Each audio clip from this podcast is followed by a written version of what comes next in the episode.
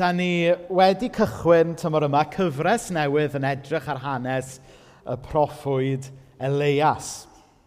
A teitl y gyfres ydy Tanio'r ffydd trwy'r tywyllwch. E, mae yna dywyllwch o'n cwmpas ni, da ni'n gwybod hynny, ond mae gair dew yn dweithio ni fod goleini yn trechu y tywyllwch, fod goleini yn gallu torri trwy y tywyllwch. A dyna, da ni'n gweld yn hanes bywyd y proffwyd Elias, A dyna da ni yn gobeithio ac yn byw gobeithio fel disgyblion Iesu yn yn dydd ni.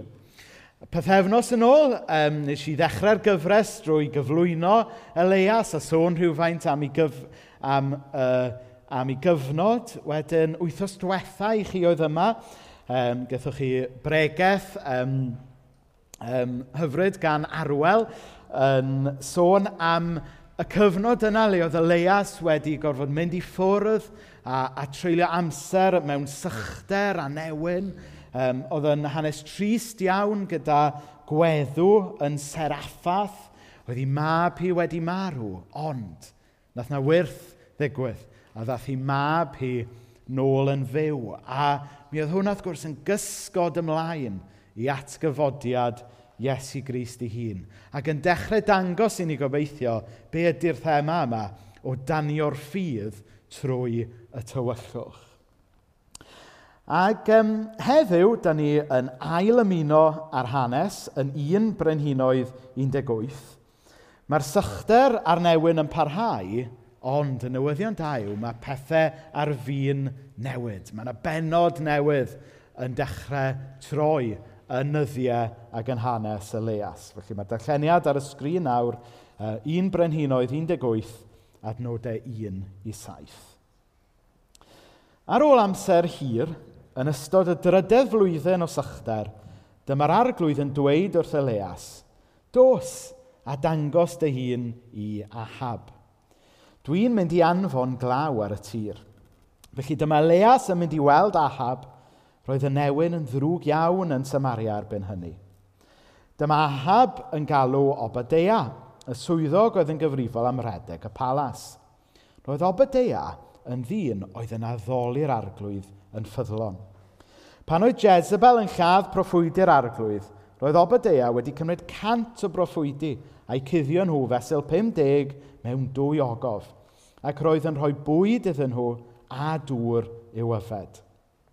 Dyma Ahab yn dweud wrth Obadeia, rhaid i ni fynd drwy'r wlad i gyd, at bob ffynon anant. Falle down ni o hyd i ychydig borfa i gadw'r cyffylau a'r milod yn fyw, yn lle bod rhaid i ni gochi pob un anifail.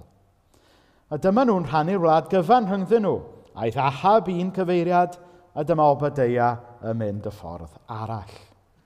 Wrth i Obadeia fynd ar ei ffordd, dyma Leas yn dod i'w gyfarfod – Dyma Obadeia'n nabod Elias, a dyma fe'n plygu'r luniau o flaen a dweud, Ai ti ydi e go iawn fy meistr, Elias? Ie, fi ydi e, meddai Elias. Dos i ddweud wrth dy feistr fy mod i yn ôl.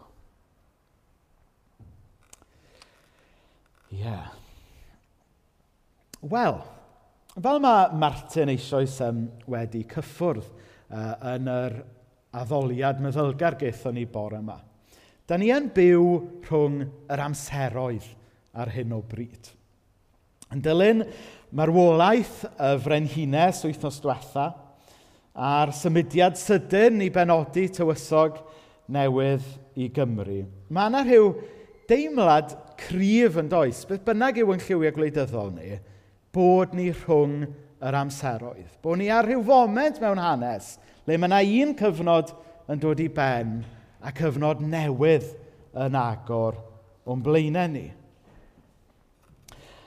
Ar y teledu um, ac o'n cwmpas ni, da ni wedi gweld pobl yn galaru, eto fel mae Martin wedi sôn amdano. Da ni wedi gweld pobl yn, yn delio efo'r wythnos yma mewn ffyrdd gwahanol. Rhai pobl mewn dagre wrth gochi yr hyn a fi, ac eraill falle yn obeithiol am yr hyn a fydd. Fel canodd Bob Dylan yn 1964, For the times they are a-changing. A dyma mewn ffordd i ni'n gweld yn un brenhinoedd 18. Mae'r amseroedd yn newid. Ar ôl blynyddoedd o sychder a newyn, mae yna sôn, mae yna obaith, mae yna addewid o law ar y tir. Ar ôl blynyddoedd o lywodraeth aniwiol ac anghyfiawn ahab, mae yna leisiau yn dechrau codi i'w herio a galw pobl yn ôl at ddew. Ond mae yna aros Ond wrth aros y disgwyl, dydy pethau ddim wastad yn digwydd yn gyflym na dyn. Wrth i ni ddisgwyl am rhywbeth, dyw popeth ddim cweit yn disgwyl yn ôl yn amserlen ni. A rhan o stori ffydd yw aros. Rhan o stori ffydd yw disgwyl i'r penodau droi, nid yn ôl yn amserlen ni, ond yn ôl amserlen Dyw ei hun. A mae hwn yn cyflwyno ni i thema bwysig trwy y Beibl, sef fod yn Dyw ni yn ddiw sydd yn gweithio mewn tymhorau. Ydy ma Dyw yn gallu, a mae Dyw yn gwneud, yn gallu gwneud pethau yn syth ag yn the moment, a mae'r gwirthiol a'r sydyn a'r dramatic yn rhan bwysig o waith Dyw. Ond hefyd, trwy y Beibl, da ni hefyd yn gweld y thema yma Fod Dyw hefyd yn gweithio mewn tymhorau mawr trwy hanes. Ydy mae Dyw yn gallu bod yn speedboat, ond hefyd mae yn ocean liner hefyd. Ac i ni'n gweld hynna mewn sawl lle yn y Beibl. A adnodau ar y sgrin nawr o llyfr y pregethwr. Mae'n atgoffa ni fod yna dymor i bob peth. Y mae tymor i bob peth ac amser i bob gorchwil dan y nef. Amser i enni, amser i farw, amser i blannu, ac amser i ddiwreiddio'r hyn a blanwyd. Amser i ladd ac amser i achau, amser i dynnu lawr ac amser i adeiladu. A mae'n wir i ddweud hefyd fod yn taith ysbrydol ni, fel unigolion, fel eglwys, fel cenedl, yn troi mewn tymhorau hefyd. Yn ei bregeth fawr yn actau tri, mae Pedr yn dweud, Edif arhewch a throwch at ddiw er mwyn dileu eich pechodau. A sylwch, felly y daw oddi wrth yr arglwydd dymhorau o adnewyddiad. Mae'n ddorol dydy'r sôn am bod yna dymhorau, seasons, bod yna dymhorau o adnewyddiad. A weithiau, mae e'n bwysig i ni adnabod y tymor i ni ynddo fe a bod yn ddisgwylgar am y tymor newydd pa mae e'n dod i'n bywyd ysbrydol ni. A dydy aros am y tymor yma ddim yn dod yn naturiol i ni heddiw fel pobl modern. Achos da ni'n byw mewn byd sy'n disgwyl instant downloads a next day deliveries a da ni'n disgwyl popeth i ddigwydd heddiw yn dydyn. Ond weithiau mae angen i gymryd cam yn ôl a gweld y darlu mawr fod Dyw weithiau yn gweithio mewn tymhorau. Ac hyd yn oed mewn tymor sy'n falle'n teimlo'n sych, mae Dyw falle'n defnyddio'r tymor yna i'n paratoi ni ar gyfer y tymor o adnewyddiad sydd i ddod. Yn y testament newydd mae dyfal barhad a hir ymaros yn rai o ffrwythau'r ysbryd. A mae'n bwysig bod ni fel Cresnogion heddiw yn yr oes sydyn fodern swnchyd yma yn cofio am y ffrwythau ysbrydol yna. Cofio fod dyfal barhad ac aros a disgwyl oddi wrth yr arglwydd yn ffrwythau ysbrydol.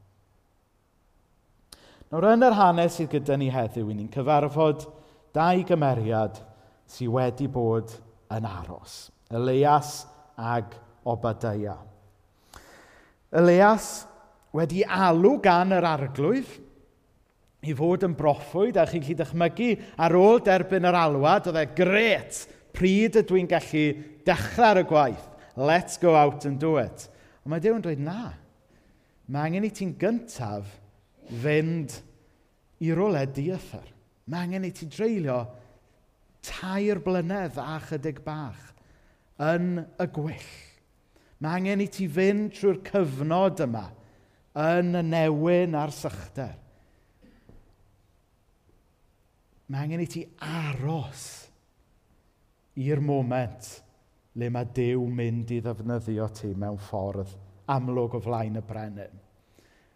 Hynny yw, mae Dyw yn ei ddefnyddio fe yn y tair terflynedd yna, yn dydy.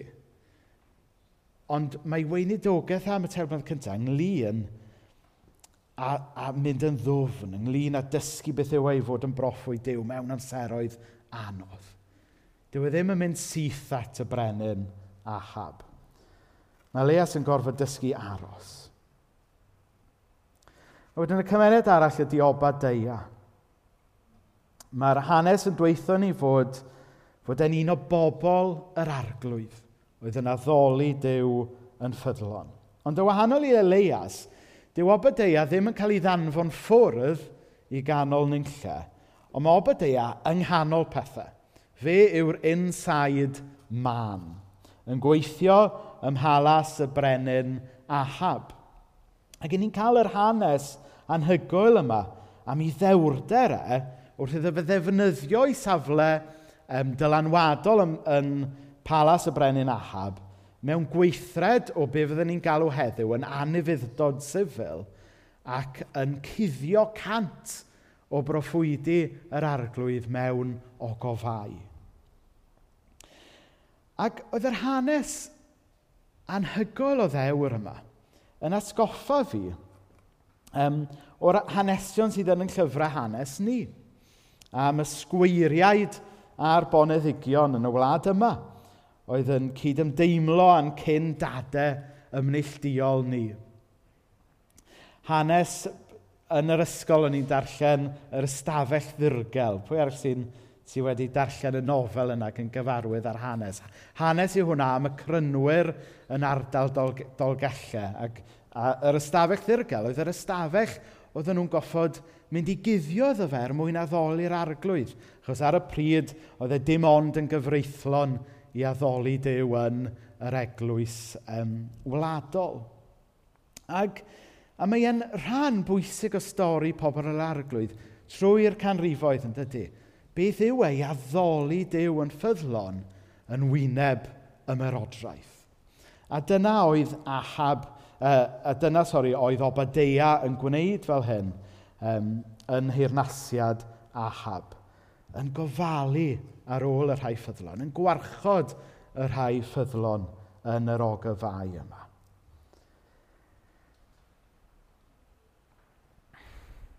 Oedd Elias y Gobadeia wedi bod yn aros. Ond, roedd yr amseroedd yn newid. Adnod un a dau wnaethon ni ddarllen gyna, ar ôl amser hir yn ystod y drydedd flwyddyn o sychder. Dyma'r arglwydd yn dweud wrth Elias, dos, a dangos dy hun i ahab, dwi'n mynd i anfon glaw ar y tir. Felly dyma Elias yn mynd i weld ahab. So gath ei alw tair blynedd yn gynt. Ac oedd ar y pryd siŵr fod eisiau mynd yn syth i weld y brenin ahab, ond na, o rai fe ddysgu aros Ond nawr mae'r tymor yn newid. Mae'r tymor wedi dod nawr le mae Dyw yn rhoi gair iddo fe fynd i weld Ahab. A'r gair yw fod yna law yn dod. Nawr fel dwi wedi um, cyffwrdd arno eisoes, mae yna rhyw synwyr ar hyn o bryd yn bod ni am wahanol resymau rhwng yr amseroedd.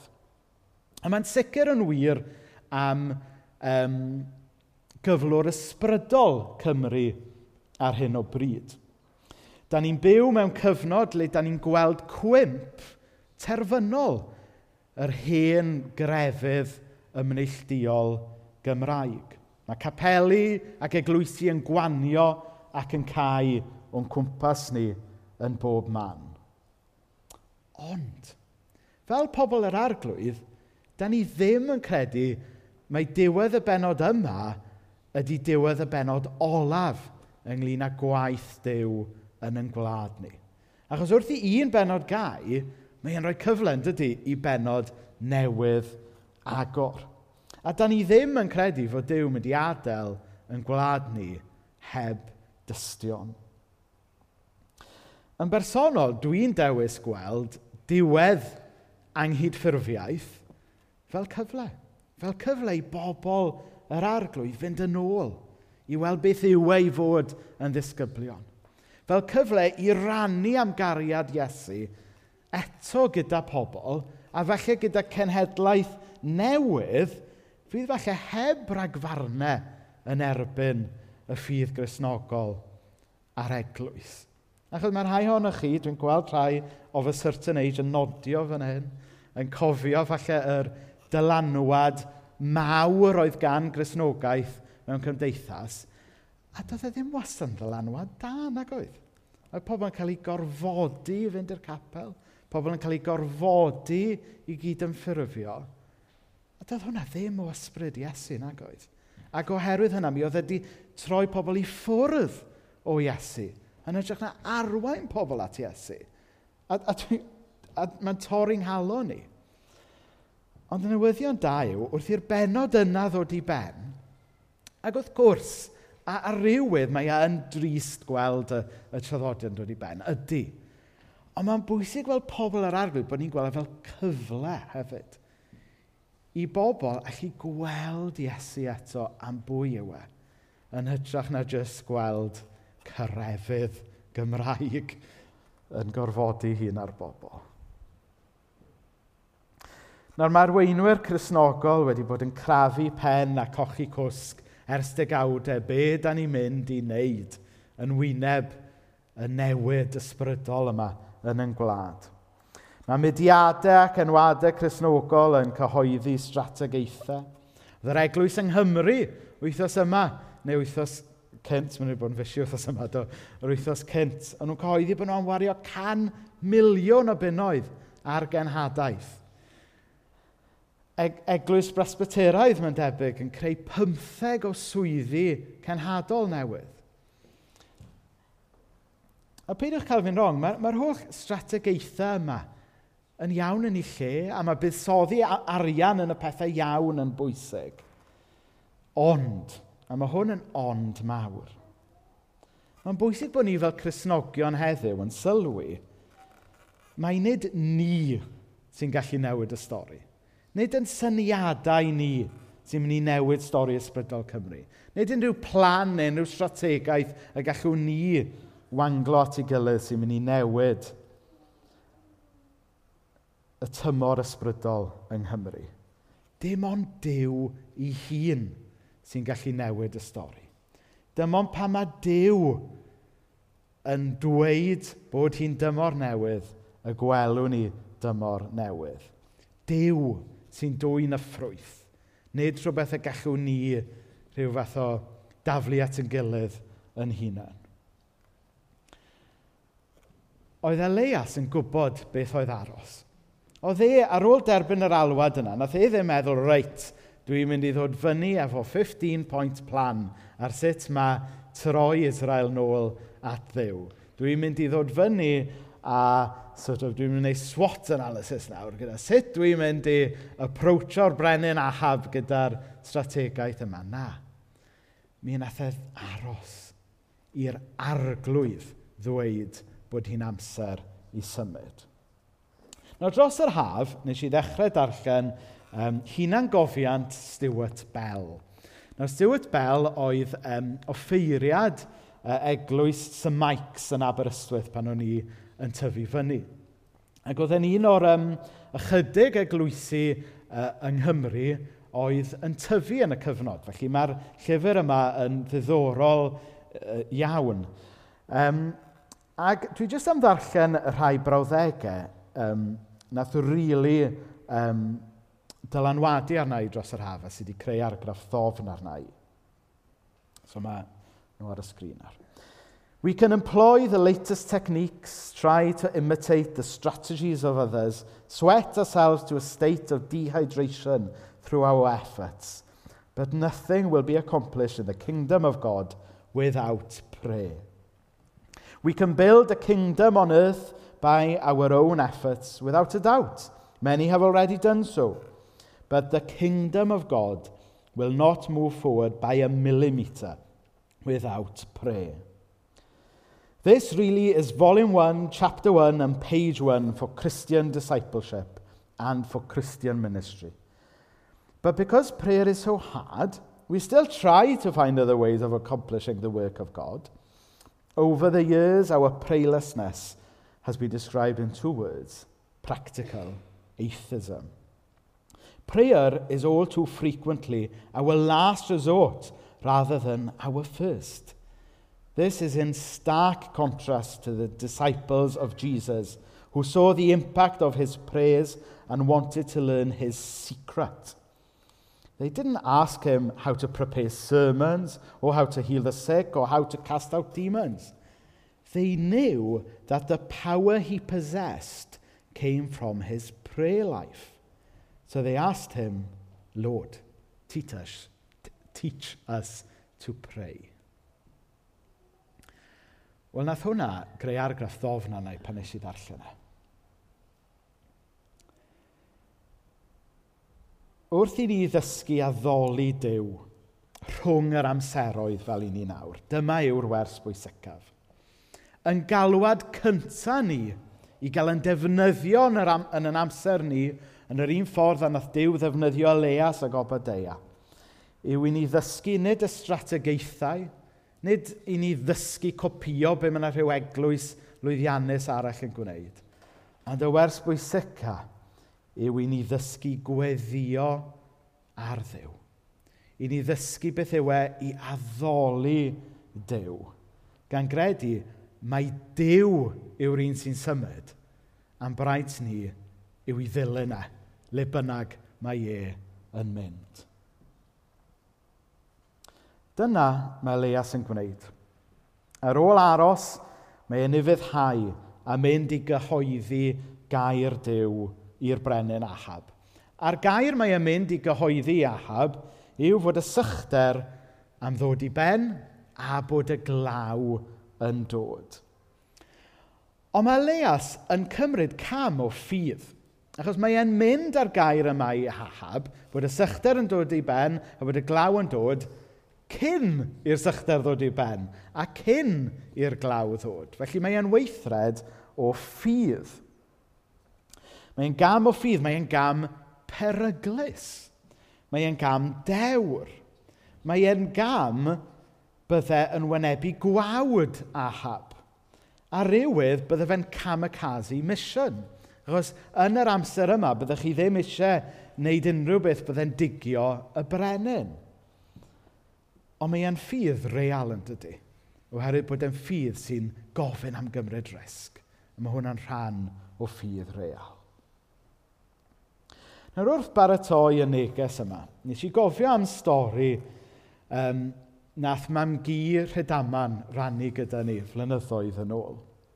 Oedd mam gi gath i magu yn eglwys Bethany Rhedaman. Ac oedd eglwys Bethany Rhedaman, i chi sy'n um, gyfarwydd gyda hanes, yn un o'r eglwysi oedd yng nghanol diwygiad 1954 dim 5. Diwygiad Evan Roberts, un o'r diwygiadau mwyaf mae Cymru wedi gweld. Um, Wel, does dim diwygiad mor fawr a hynna wedi bod yng Nghymru ers hynny, lle nath na ddegau o filoedd o bobl ddod i ffydd o'r newydd yn Iesu Grist. Ac oedd yr eglwys Bethany Rhydawman yn un o'r canolfannau le oedd y diwygiad ar ei gryfa.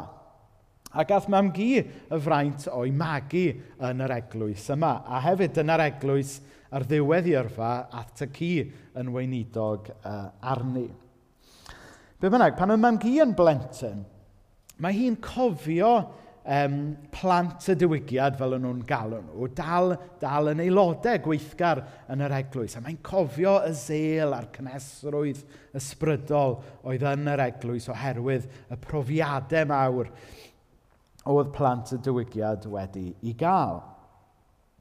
Ac un haf, oedd gathen nhw haf arbennig o sych, yn debyg i'r haf da ni newydd i gael. Ac oedd na berygl um, byddai yr byddai yna sychder yn dod, a byddai'r cnydau yn ffeili, a, a byddai fe'n effeithio pobl yn fawr iawn. Felly dyma aelodau beth yn ei rhydaman yn cyhoeddi cyfarfod gweddi i weddio am law. A dyma'r noson yn dod pan oedd y cyfarfod gweddi yn cymryd lle, a'r diwrnod yna, ar noson yna oedd hi dal yn hael cyrasboeth ond aelodau Bethany Rhydaman, plant y diwygiad, yn dod i'r cyfarfod gweddi yna trwy hael crasboeth Dyffryn Aman gyda'i cotiau glaw a'i ymbarels oherwydd bod nhw'n credu fod Dyw yn ddiw oedd yn ateb gweddi. Oherwydd bod nhw'n credu fod Dyw yn ddiw oedd yn newid y tymhorau. Oedden nhw'n credu fod yr amseroedd yn newid a mae Dyw oedd tu ôl y llen yn gwneud y newid yma. Ac wrth gwrs, y noson yna, nath y tywydd newid a ddoth cawod drom o law dros ddyffryn aman y noson yna. A fel dwedodd William Temple, When I pray, coincidences happen, and when I don't, they don't. Mae Dyw yn ddiw sy'n gweithio mewn tymhorau. A heddiw, da ni rhwng yr amseroedd.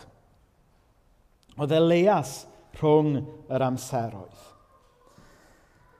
A weithiau, pan da ni rhwng yr amseroedd, mae eisiau ni wybod pryd mae'r amser i aros a pryd mae'r amser i symud. Ond cyn unrhyw beth arall, mae angen i ni ddysgu gweddio. Nawr, ni am orffen bore yma mewn ffordd ychydig bach yn wahanol i'r arfer. Ni am orffen gyda ymateb creadigol a myfyriol, a hynna drwy wrando ar y gan The Times They Are A-Changing gan Bob Dylan. Nawr, o'n i'n um, gwrando ar y gan yma ddechrau'r wythnos a gwrando ar y geiriau, o'n i jyst yn meddwl bod lot yn geiriau'r gan yma oedd yn cyffwrdd ar lot o'r profiadau a'r teimladau emosiynol sydd trwy'r wlad ar hyn o bryd wrth i ni fod rhwng yr amseroedd. Yn, yn ofnus ynglyn â'r hyn, da ni'n ei gochi, yn betrisgar, neu falle yn obeithiol am yr hyn gallai ddod i fod. Ond beth bynnag yw e, the times they are a changing. Nawr, um, a hefyd, fel gyda lot o ganeuon Bob Dylan, mae yna hint chrysnogol cryf yn y geiriau. Yn y gan, mae'n ma, dweud, for the loser now will be later to win.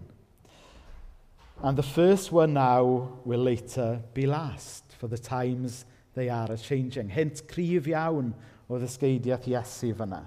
Nawr yn anffodus oedd Bob Dylan ddim ar gael i ddod ato ni bore yma. So dyma fi'n gofyn i Phil Wyman. Yn anffodus, hyd yn oed Phil Wyman ddim ar gael i ddod, achos bod e ffwrdd mewn rhyw R.S. Thomas Poetry Competition. So, neis gweld bod Phil yn setlo mewn yng Nghymru'n dda. Um, ond, nes i gyfarfod fyny efo Phil yn gynt yn yr wythnos a, a recordio fo. A wedyn, mae yna instrumental yn y canol le ni, ni wedi rhoi rhai lluniau ynglyn â rhai digwyddiadau mawr sydd wedi digwydd yn y gwlad dros y blynyddoedd diwetha.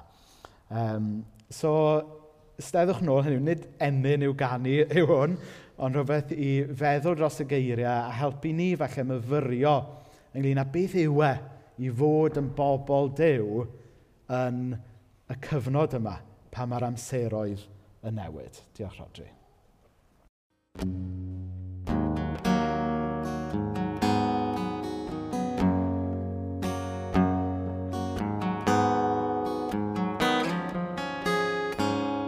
Come gather round wherever you roam and admit that the waters around you have grown and accept that it's soon you'll be drenched to the bone. your time to you is worth saving.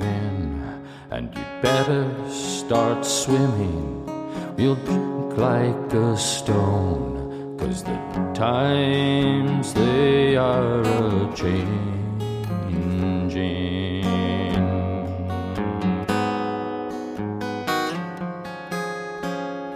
Come writers, come critics Prophesy with your pen. Keep your eyes wide, the chance won't come again. And don't speak too soon, for the wheel's still in spin. There's no telling who that it's naming. For the loser now will be later to win for the times they are changing.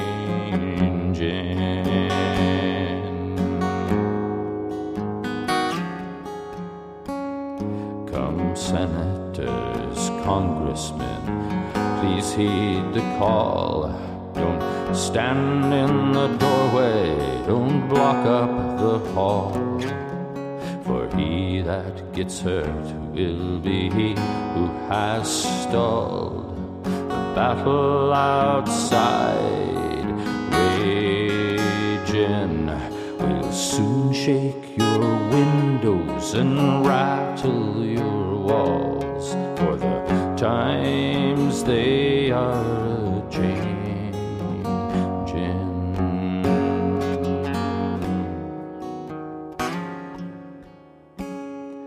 Come, mothers and fathers throughout the land. Don't criticize what you can't understand. Your sons and your daughters are beyond your command. The old road is rapidly aging. Please get out of the new one if you can't lend your hand For the times they are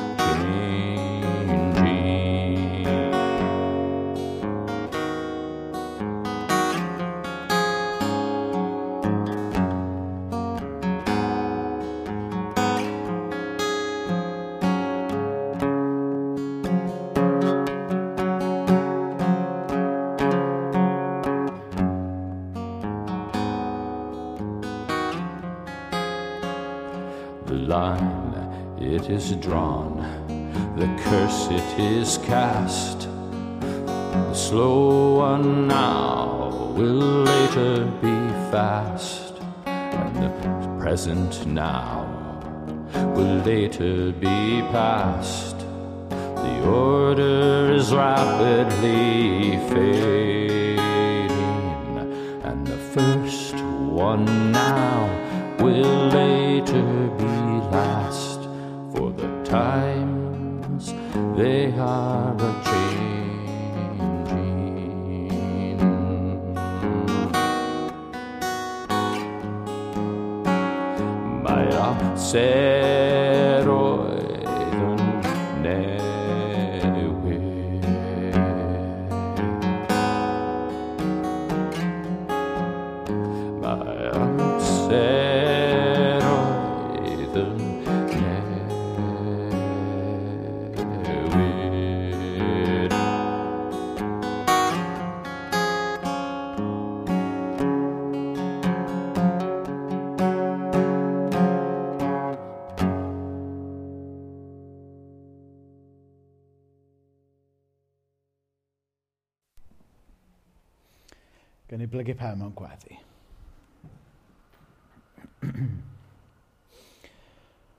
O ddew dad, ni'n diolch mai dew y tymhorau wyt ti. Wyt ti gyda ni yn graig, dan yn traed mewn tymhorau anodd. Ti yw awdur yn llawenydd mewn tymhorau da.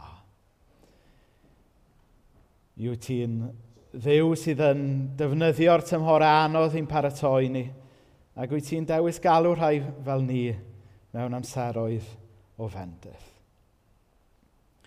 O ddew dad i ni jyst yn cyflwyno calonau pawb sydd yma bore yma a rhai sy'n gwylio o adre. O ddew dad, ti sy'n gwybod beth sy'n mynd mlaen yn yn calonau ni'r wythnos yma. Ti sy'n gwybod beth ydy'r emosiynau, y brywiau, y gobeithion falle da ni yn ei meithrin wythnos yma wrth yn bod ni rhwng yr amseroedd. Ond y fwy na dim, helpa ni fod fel y disgyblion cyntaf – oedd eisiau yn fwy na unrhyw beth arall dysgu sut oedd gweddio fel ti, Iesu dy hun. Helpa ni geisio yn gyntaf dy deyrnas di a drwy hynna gael yn arfogi i fod yn dystion i ti yn yn amseroedd ni. Felly bod i'r as yn harglwydd Iesu Grist a chariad Dew a chymdeithas yr Ysbryd Glân fod gyda pob un ohono ni o'r awr hon heat bath.